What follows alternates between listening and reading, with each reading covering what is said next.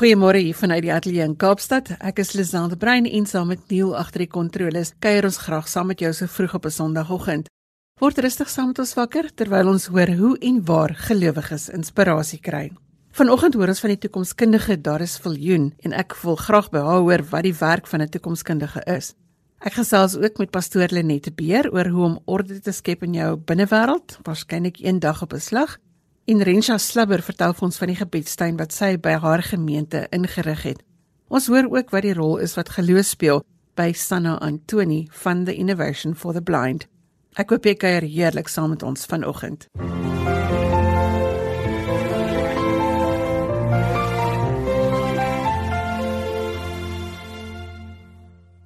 Ons staan aan die begin van 'n nuwe maand en ek lees iewers in die week 'n ding wat sê Jy gaan nie jou hele lewe in een dag bemeester nie. So jy kan ontspan en net sorg dat jy vandag onder die knie kry en dan hou jy net aan om dit nou elke dag te doen. Dit het verseker 'n bietjie die angs en die spanning by my verlig dat ek nie alles in een dag hoef te doen nie.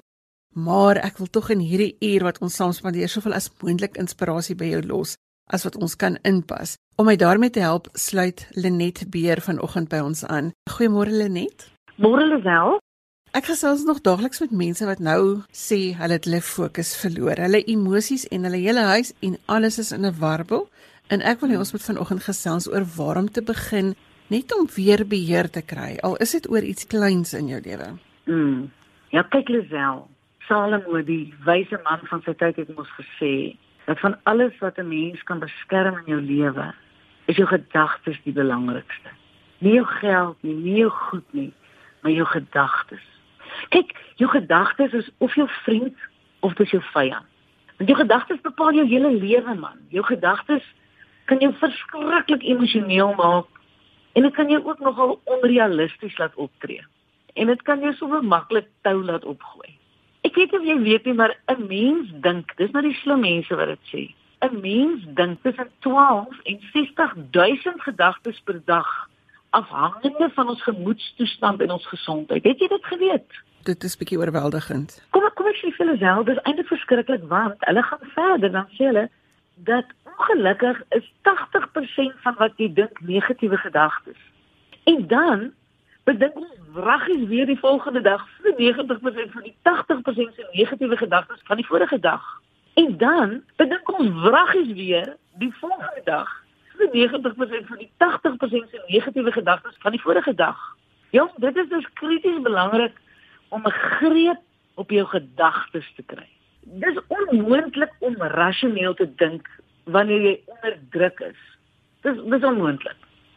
Nou, Lisel, hier is my behoud. Kyk, ek het nou al geleer. My rustige stoep sit sessies oggens het my laat besef dat ek nie my hele lewe in 'n dag kan uitsorteer nie. Kyk, ek moet die salami tegniek inspann. Dis daai dun snytjie vir dun snytjie moet ek my dag indeel. En ek moet ek moet tyd maak vir asemhaal tussenin. En dit dit alles begin met 'n mens se gedagtes. Nou, kyk, een van my groot is Dr. Caroline Leaf wat navorsing gedoen het oor die brein of hoe jy jou brein kan herprogrammeer. Sy sê dat jy elke dag vir 16 minute lank moet rustig word en dan moet jy net staar. Jong, daai tegniek het ek aangeleer. Daai 16 minute doen ek daagliks nou. Dit verrig wondere vir jou brein. Ek dink dis wat jou brein nodig het om homself weer af en aan te skakel. amper iets soos soos reboot, soos dat ons ons met ons rekenaars doen wanneer hulle probleme gee. Nou, die ander ding is in haar navorsing het sy ontdek dat die brein in siklusse van 21 dae homself kan herbedraad. Nou, Lisel, hierdie tegniek het ek toegepas toe ek my boetie 18 maande gelede aan die dood verloor het. Wie ek het dit daarna met baie ander goed toegepas, hierdie 21 dae tegniek. Sy sê dat jy skadelike gedagtes en gewoontes met goeies kan vervang as jy elke dag Hoor nou hier. Vir ten minste 7 minute kan werk maak van die gedagtes wat jy wil verander. Met ander woorde, jy kies vir jou 'n gedagte wat jy graag wil verander, nê. Nee, kom ons sê dis om orde te skep in jou lewe. dan werk jy vir 21 dae vir 7 minute aan daai gedagte wat jy wil verander. Nou het sy 'n 5-punt plan. Nou ek dink dis 'n dis 'n uitstekende manier om jou kop reg te pak. Dit is vir my 'n uitstekende manier. Dit werk vir my. Wie party van daai 21 dae planne gaan jy 'n tweede keer moet herhaal of selfs 'n derde keer voordat dit deel van jou nuwe gedragspatroon raak. Maar deur rustig asem te haal en kalm te word en diep te dink, so kry jy nou 'n greep op jou dag een dag op 'n slag.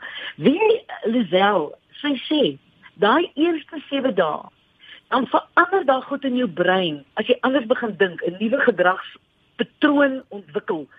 Daai eerste 7 dae verander dit soos 'n dit dis die vorm van 'n pit. En dan die volgende 14 dae verander dit na 'n lollipop vorm toe. En dan hier in jou derde week is dit soos 'n soos 'n mushroom. En en toe ek dit lees, het ek besef maar ek gaan hierdie goed in my eie lewe toepas. Ek gaan nuwe gewoontes, ek gaan dissiplines, ek gaan prioriteite, ek gaan rotines gaan ek vasmaak in my brein. Ek kry dit reg. Party goed is binne 21 dae is ek op pad. Ander moet ek 'n tweede siklus van 21 dae doen. En soms, soos my boetie, moet ek 'n derde siklus van 63 dae. Ek moet nie hastig wees om nuwe patrone aan te leer nie. Ek dink die grootste fout wat ons maak is om alles op een slag te probeer aanpak. Soos jy in die begin gesê het. Ek sê dis kan nie ons omstandighede en wat rondom ons gebeur noodwendig beheer nie. Dit is een les ek dink wat ek verskriklik mooi die afgelope jaar geleer het. Jong, maar die boodskap het ongelukkig nog nie by baie van ons koppe uitgekom nie. Dis asof ons byna fanaties wil regryk wat ons nie kan in een dag nie. Dis net menslik onmoontlik. Dit is net onmoontlik. Net ek wil gou saamvat. Jy het woorde gebruik soos rustig en staar en stoep sit en asemhaal. En dit alles sê vir my een ding dat jy nie noodwendig onmiddellik met die probleem begin nie. Jy moet net eers jouself laat fokus, gaan sit, haal asem, dan kom jy uit die put uit om dit dan 'n lollipop te maak en dan 'n mushroom soos wat jy nou beskryf het. Het ek dit nou reg saamgevat? Dis reg. Jy moet letterlik weet voel hoe jy voel. Jy sien, ek verstaan met die gevoel. Kyk jy jou gedagtes van nader die gesondes en die ongesondes en dan pak jy hulle mooi reg. En dit moet jy elke liewe dag doen myself. En dit kan ook saam met jou stilte tyd werk. Dis al ek wil ek wil vir jou dit sê. Ek, ek stem saam met jou. Ek doen dit in my stilte tyd, hierdie goedjies. Dit dis voordat ek begin lees, Bybel lees, begin ek eers my gedagtes orden. En dan as ek nou georden is, dan kan ek tog met die Here begin praat, nê. Nee. En dan kan ek my goedjies na hom toe vat en eers dankie sê. Ek begin altyd eers met 'n dankbaarheid. Ek begin my gedagtes orden en dan sê ek altyd eers dankie Here. Dankie vir wat ek het. En dan begin ek van vertel hierdie probleem van my, hierdie uitdaging bring ek nou voor hom. Wie ek dink een van die goed wat ons luisteraars moet besef is dis vir God 'n groot begeerte dat dit met jou moet goed gaan. As dit jou eie begeerte is dat dit met jou goed moet gaan. En dit moet ons eintlik so opgewonde maak want God wil hê dat ons hierdie lewe moet lei waar ons koppies oorloop. Jy kan dit net doen as jy stil word, hoor. So gesels pastoor Lenet Beer, sy is van Pretoria en sy help mense om die kleur in hulle lewe terug te sit. Lenet, baie dankie vir die saamgesels vanoggend. Dankie Lisel, dit was heerlik. Mm -hmm.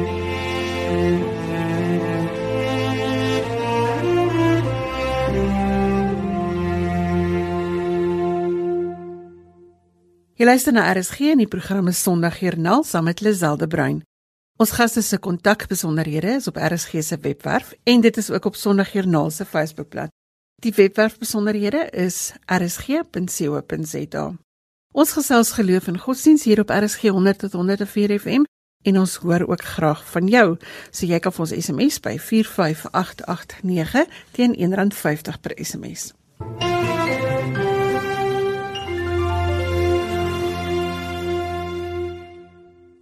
Daar is Viljoen se senior toekomskundige by die Instituut vir Toekomsnavorsing van Universiteit van Stellenbosch se besigheidskool. Op die stadium waar ek moes besluit oor 'n beroep, was 'n toekomskundige verseker nou nog nie op daardie lysie gewees nie. Goeiemôre Doris.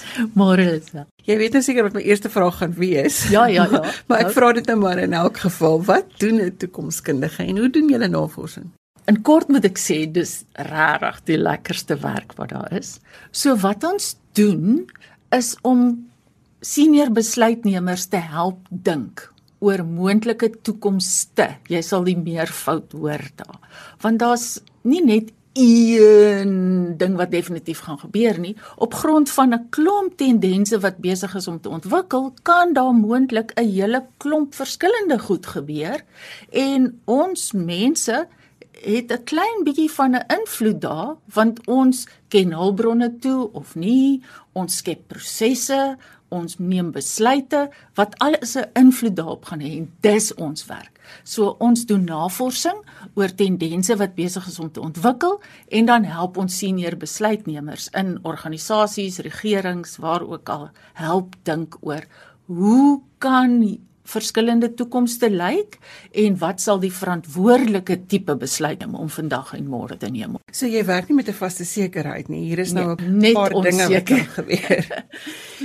Ons praat nou geloof en nou die dag in 'n gesprek sê iemand vir my maar sy's bekommerd want sy weet nie hoe gaan die kerk nou in die toekoms hmm. lyk nie. Wanneer kom hmm. ons nou terug by dit wat ons gehad het? Corona het nou gebeur. So, hoe het dit julle nou omver gegooi? Waarskynlik. By die instituut het ons skielik baie meer werk gehad as ooit vantevore. Want skielik het mense agtergekom, ons moes dalk al 'n bietjie begin dink het oor goedjies wat ons manier van besigheid doen of ons manier van regeer um, kan beïnvloed. En dan natuurlik die geweldige invloed van die pandemie en die lockdowns het gemaak dat ons vir verskillende industrieë moes help dink oor hoe miskien volgende besigheidsmodelle, ander maniere waar gaan ons heen. Um so aan die instituut se kant het ons geweldig meer werk gehad die uitdagings was om dit alles via digitale media te doen. Um digitale media is verskriklik lekker om inligting aan te gee of 'n vergadering te hou of net gou iemand se gesig te sien, maar om kreatiewe saamdink te doen was nogal 'n uitdaging en aan ons kant moes ons baie slim goeters uitdink. Vir ons doeleindes vanoggend, daar is hoe gaan die kerk van die toekoms lyk?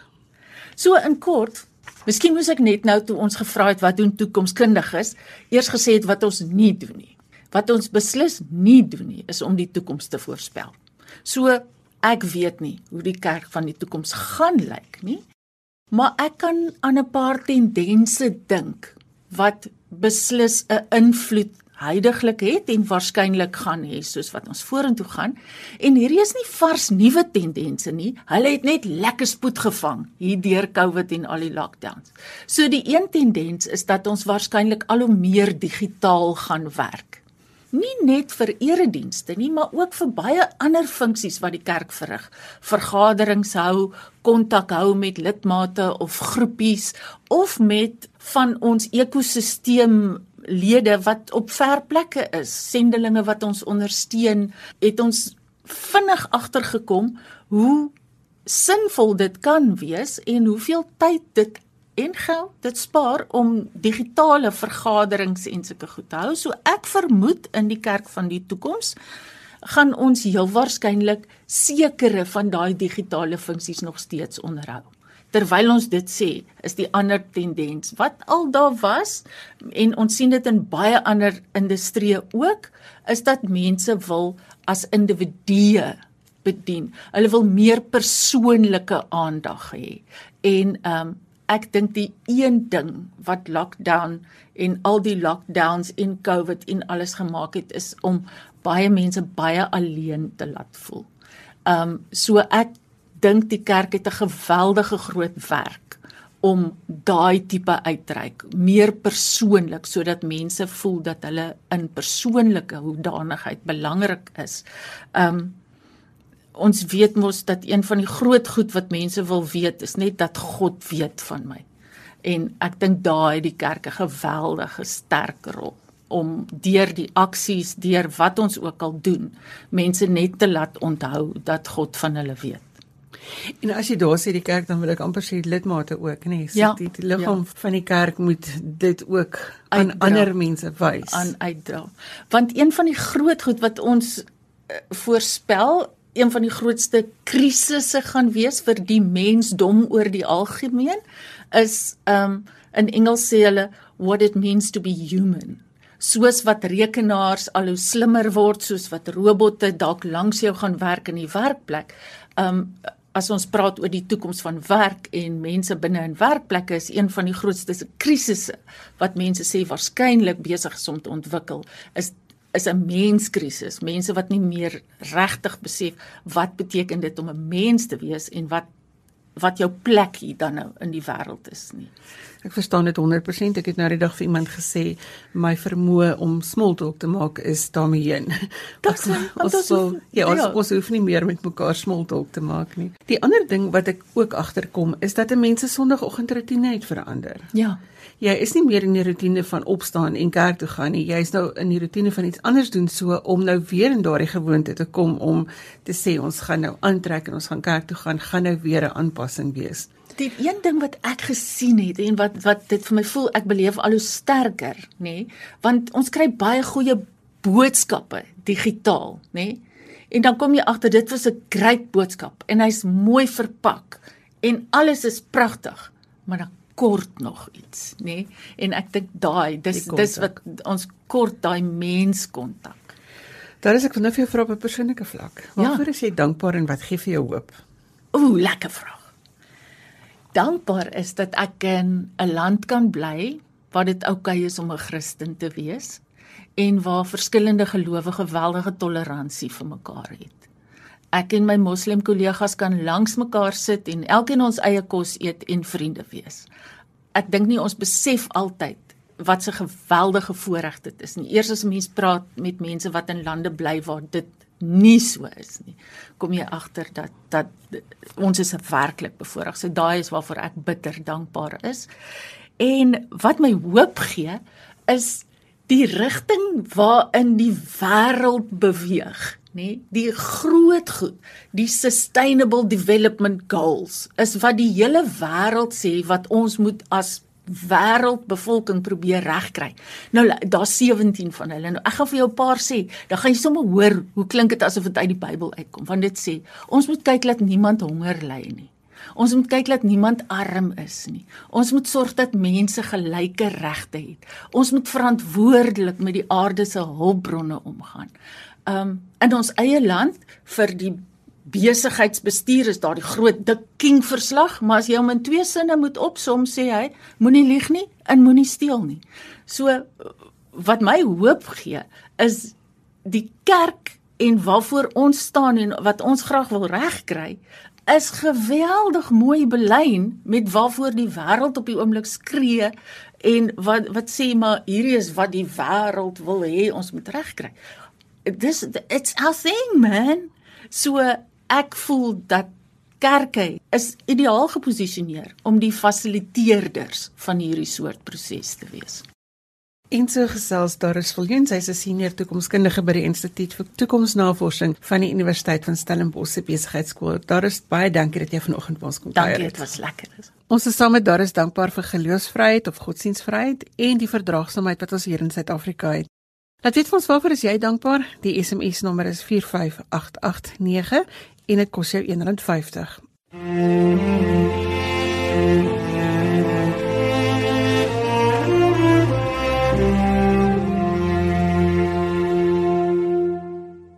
Jy luister na Sondag Joernaal vir die wat sopas by ons aangesluit het. Ons gesels met mense oor hulle geloof en hoe dit hulle leefwêreld beïnvloed. Sanna Antoni woon op die perseel van die Innovation for the Blind en ek wil by haar hoor wat die rol is wat geloof in haar lewe speel.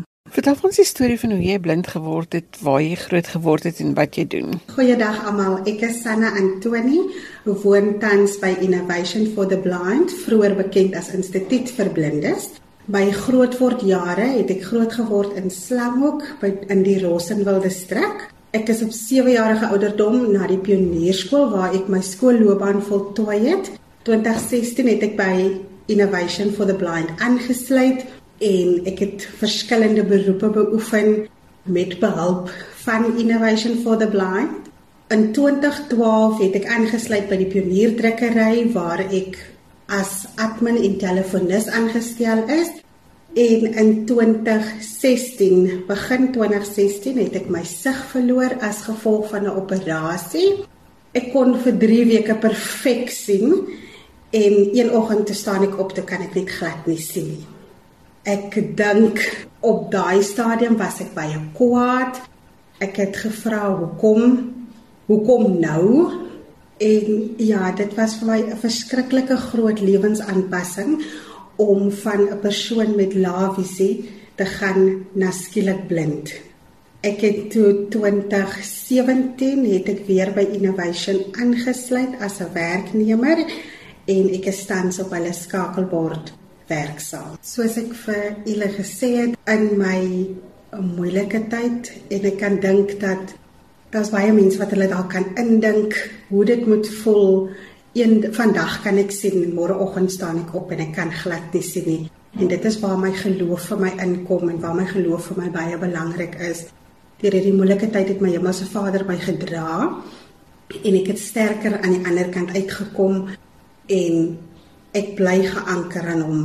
Sonder my Hemelse Vader sou ek niks gewees het vandag nie en ek is baie bly vir dit wat hy vir my gegee het om mee te kan leer in die sin van ek dink nie hy sou hierdie struikelblok op my pad gesit het indien hy nie vir my iets wou sê of iets wou bewys daardeur of vir my net wou dalk net vir my wou sê dat my geloof toets kom ek stel dit so ek dink dit is uit en uit dat hy op die stadium my geloof getoets het en my geloof was nie baie sterk in daai tyd nie. Ek dink ek was baie kwaad in daai tyd en het baie vrae gevra, maar deur dit het my geloof so ongelooflik sterk geraak en daarvoor is ek vir my Hemelse Vader baie dankbaar. Watter rol speel geloof in jou lewe? Soos ek vir julle gesê het dat in my moeilike tyd en ek kan dink dat daar's baie mense wat hulle dalk kan indink hoe dit moet voel. Een vandag kan ek sien, môreoggend staan ek op en ek kan glad nie sien nie. En dit is waar my geloof vir my inkom en waar my geloof vir my baie belangrik is. Deur hierdie moeilike tyd het my Hemelse Vader my gedra en ek het sterker aan die ander kant uitgekom en ek bly geanker aan hom. Sonder my Hemelse Vader sou ek niks gewees het vandag nie en ek is baie bly vir dit wat hy vir my gegee het om mee te kan leer in die sin van ek dink nie hy sou hierdie struikelblok op my pad gesit het indien hy nie vir my iets wou sê of iets wou bewys daardeur. Of vir my net wou dalk net vir my wou sê dat my geloof toets kom ek stel dit so ek dink dit is uit en uit dat hy op die stadium my geloof getoets het en my geloof was nie baie sterk in daai tyd nie. Ek dink ek was baie kwaad in daai tyd en het baie vrae gevra, maar deur dit het my geloof so ongelooflik sterk geraak en daarvoor is ek vir my Hemelse Vader baie dankbaar. Watter aanpassings verg dit vir jou om daagliks oor die weg te kom? Vir 'n persoon met visuele gestremthede is daar baie uitdagings in die lewe, maar gelukkig is daar ook maniere om dit te oorkom. Ek kry dikwels vrae van siende pers persone hoe blindes daagliks oor die weg kom. En ek wil graag met die luisteraars vandag 'n paar dingetjies deel en net vir hulle vertel hoe ons blindes oor die weg kom. Een van die interessante vrae wat ek gehad het, is dat hoe droom 'n blinde persoon? Vir my het geen niks verander nie. My drome is dieselfde Ek droom presies dieselfde soos ek gedroom het toe ek nog kon sien. Die volgende vraag wat ek ook gekry het van siende persone is hoe weet 'n persoon wat om aan te trek in die oggende? Vir ons blinde persone gaan dit moeilik wees, maar wat ons vir onsself aanleer is om te voel na die tekstuur van die kleure en dan ook iemand te kry wat vir jou sê watter kleur pas by watter kleur sodat jy weet dat pink en swart pas by mekaar maar dat jy ook weet die pink hempie het hierdie tekstuur en die swart broek het daardie tekstuur. Waarvoor is jy dankbaar in die lewe? Ek is dankbaar vir elke geleentheid wat ek kon kry om myself te bemagtig en te ontwikkel sodat ek kan groei as mens. My werk is vir my 'n uitdaging, maar tog 'n plesier. Ek weet nooit aan die begin van my werksdag met wie ek op die foon gaan praat nie. Elke oproep wat ek ontvang by Innovation is 'n geleentheid om die persoon deur te skakel na die regte persoon of om hom of haar te kan help om 'n probleem op te los of die regte inligting te ontvang. Dankie Sanna dat jy jou storie met ons gedeel het. Dit was heerlik om saam met julle te kan kuier. Jy is ingeskakel op Sondagjoernaal en ons gesels met mense oor hulle belewenis van geloof en godsdiens.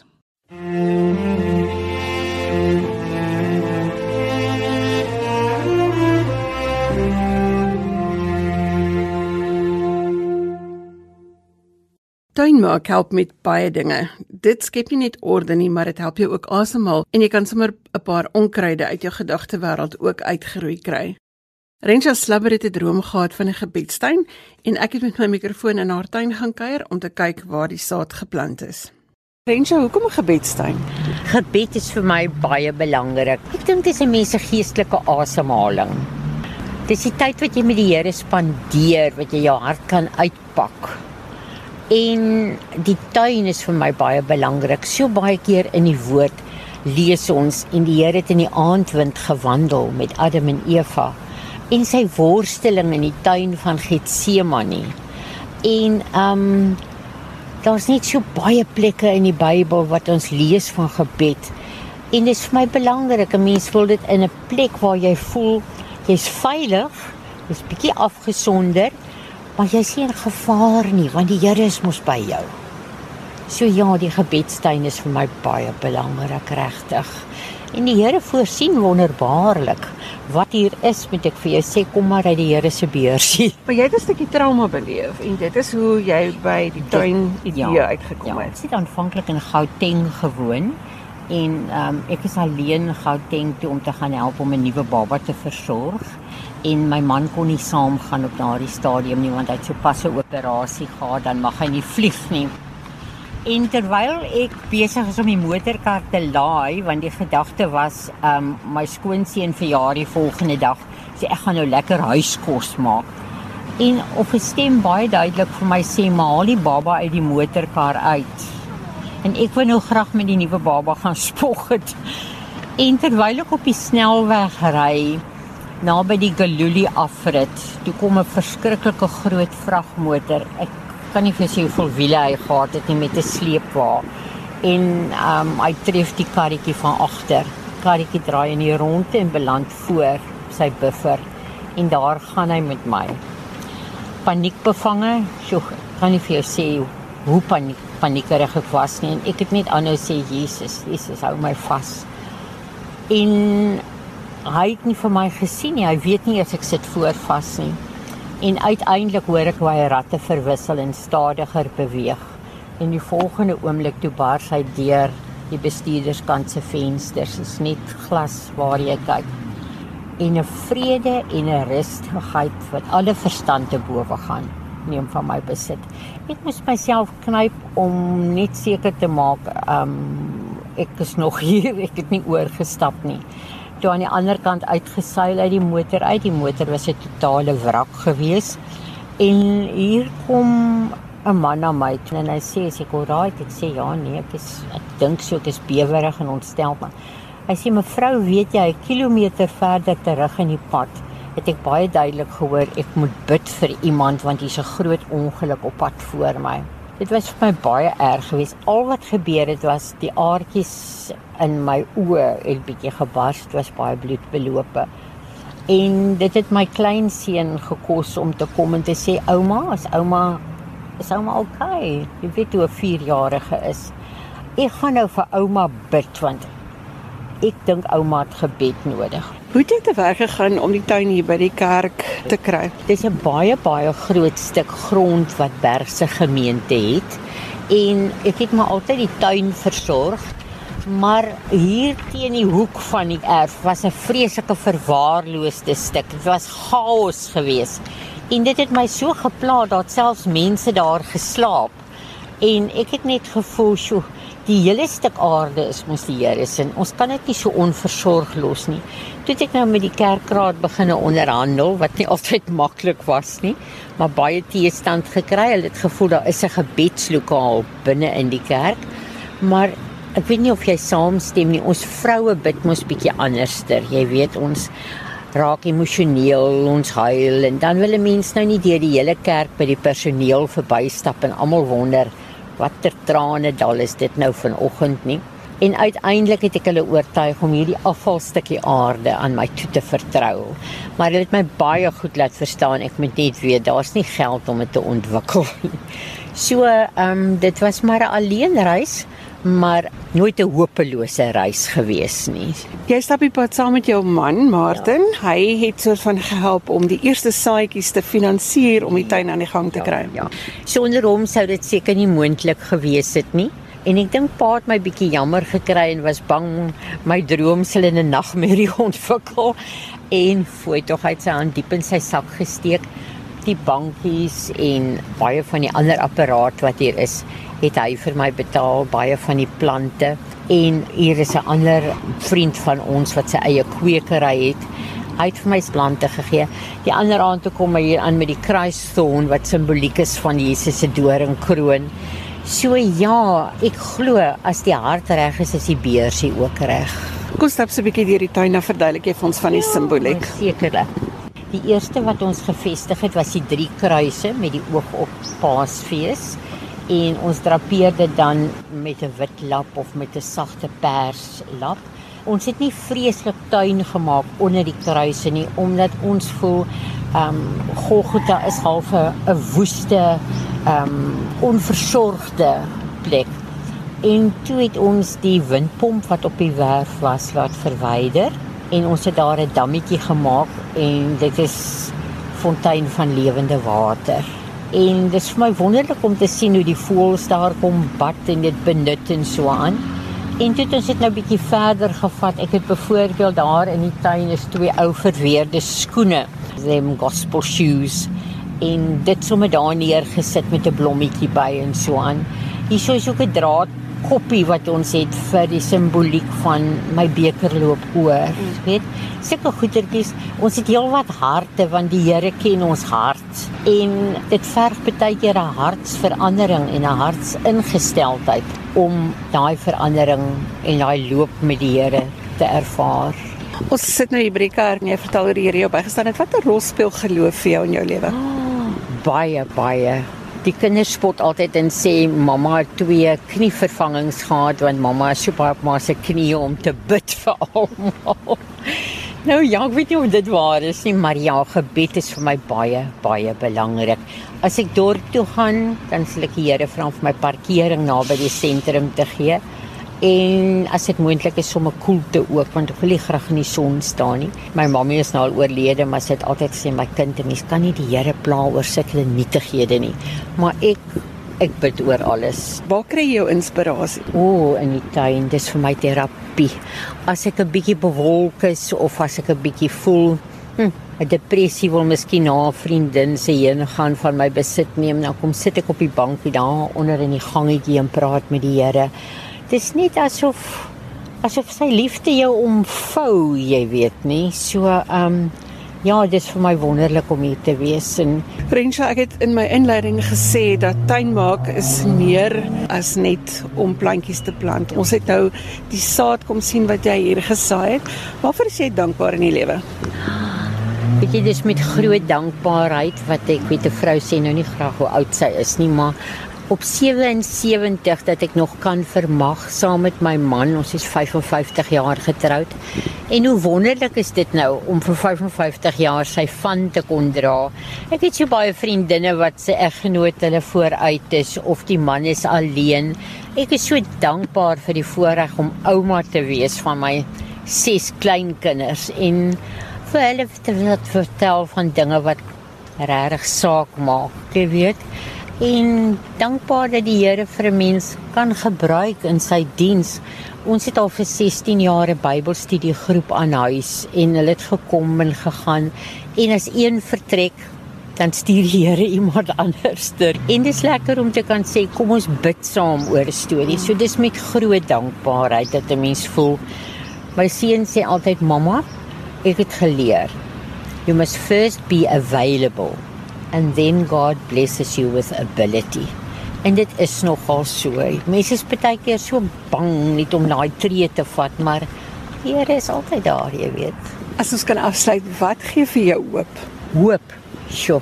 Weet jy mense is so lief om te sê, "Ag, oh, kyk die toestand wat die wêreld is en kyk net hoe verbrou daardie een en daai een."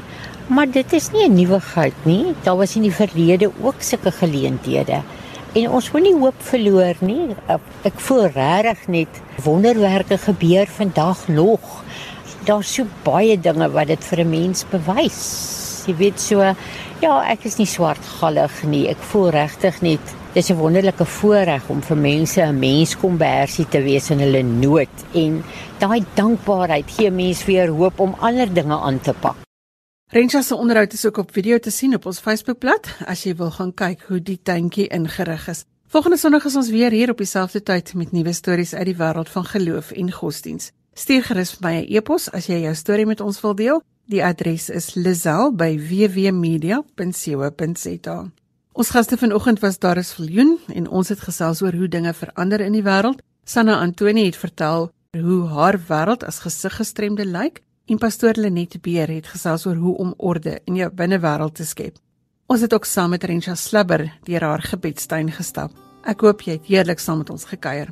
Ons program is as 'n potgooi beskikbaar. Jy kry dit op die webwerf onder die potgooi opsie. Soek vir Sondag Joernaal met vandag se datum. Dankie dat jy ingeskakel het. Gemaak 'n verskil en verander iemand se lewe positief. Tot volgende week van ons totsiens.